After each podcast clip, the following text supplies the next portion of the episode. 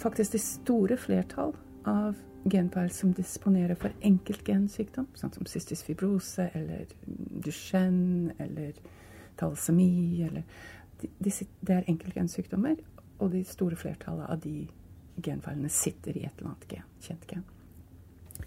Så det som kommer nå, er at vi kan rase gjennom alle genene fort. Neste generasjon sekvenseringsteknologi har lenge vært tilgjengelig i forskningsøyemed.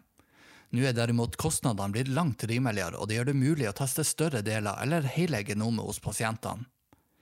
Overlege Trine Prescott på Avdeling for medisinsk genetikk ved Oslo universitetssykehus beskriver i en lederartikkel i tidsskriftet hvordan diagnostikken nå endres. Hovedprinsippet er at alle disse gentestene gjøres gen for gen, basert på, på klinikken. da.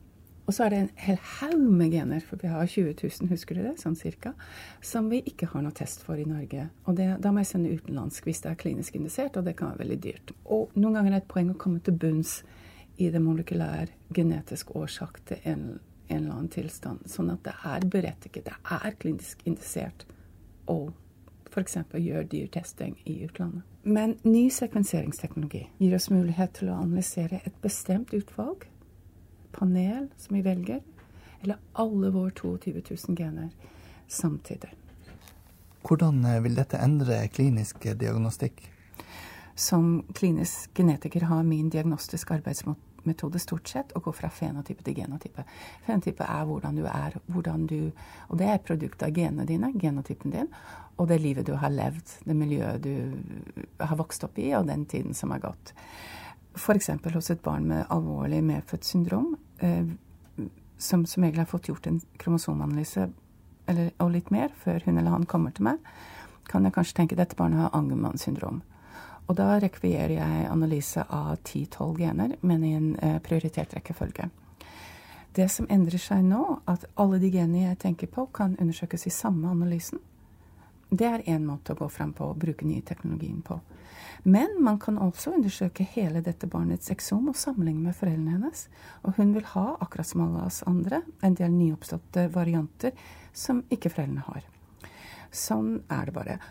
Og kanskje hun har en feil i et kjent gen som vi vet. Aha, dette genet kjenner vi godt. Dette, nå har vi funnet årsaken til hennes vansker.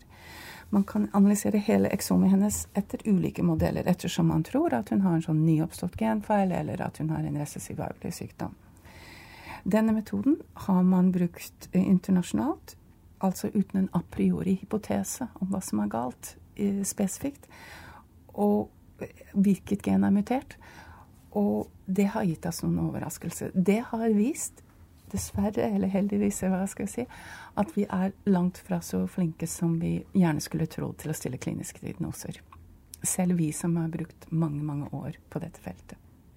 Så med den ekspertkunnskapen som sånne gamle damer som meg har, er det noe bruk for den nå? Ja, vi blir ikke arbeidsløse, men der hvor vi kommer inn i bildet, blir forskjøvet.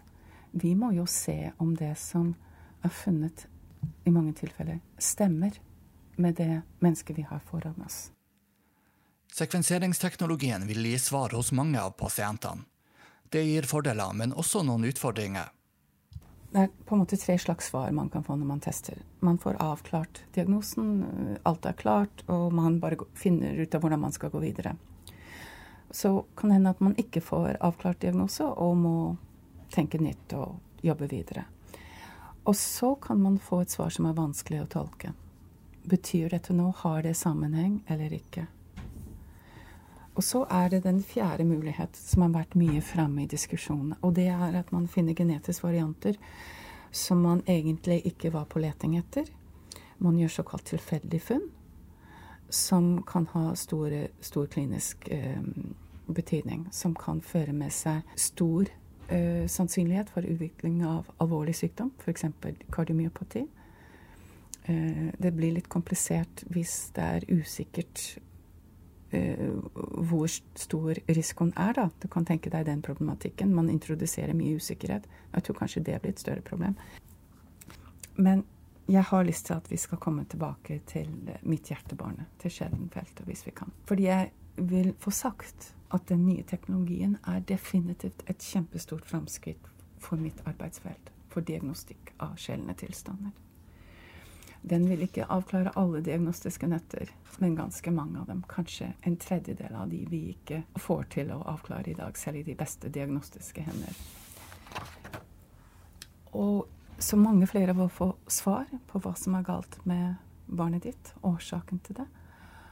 Eh, og det vil skje mye fortere enn den diagnostiske odysseen som trekker seg utover år. Den bør kunne kortes betydelig ned, og det er bra. Og dette er ikke så sært som det høres ut til, fordi samlet sett så er det sjeldne vanlig. Og en årsaksdiagnose av mange grunner er viktig for mange. Trine Prescott ble intervjua av Ole Kristian Losvik for tidsskriftets podkast. Les hele lederartikkelen i tidsskriftet nummer 15 2013. Du kan høre hele intervjuet på tidsskriftet.no. Vi høres!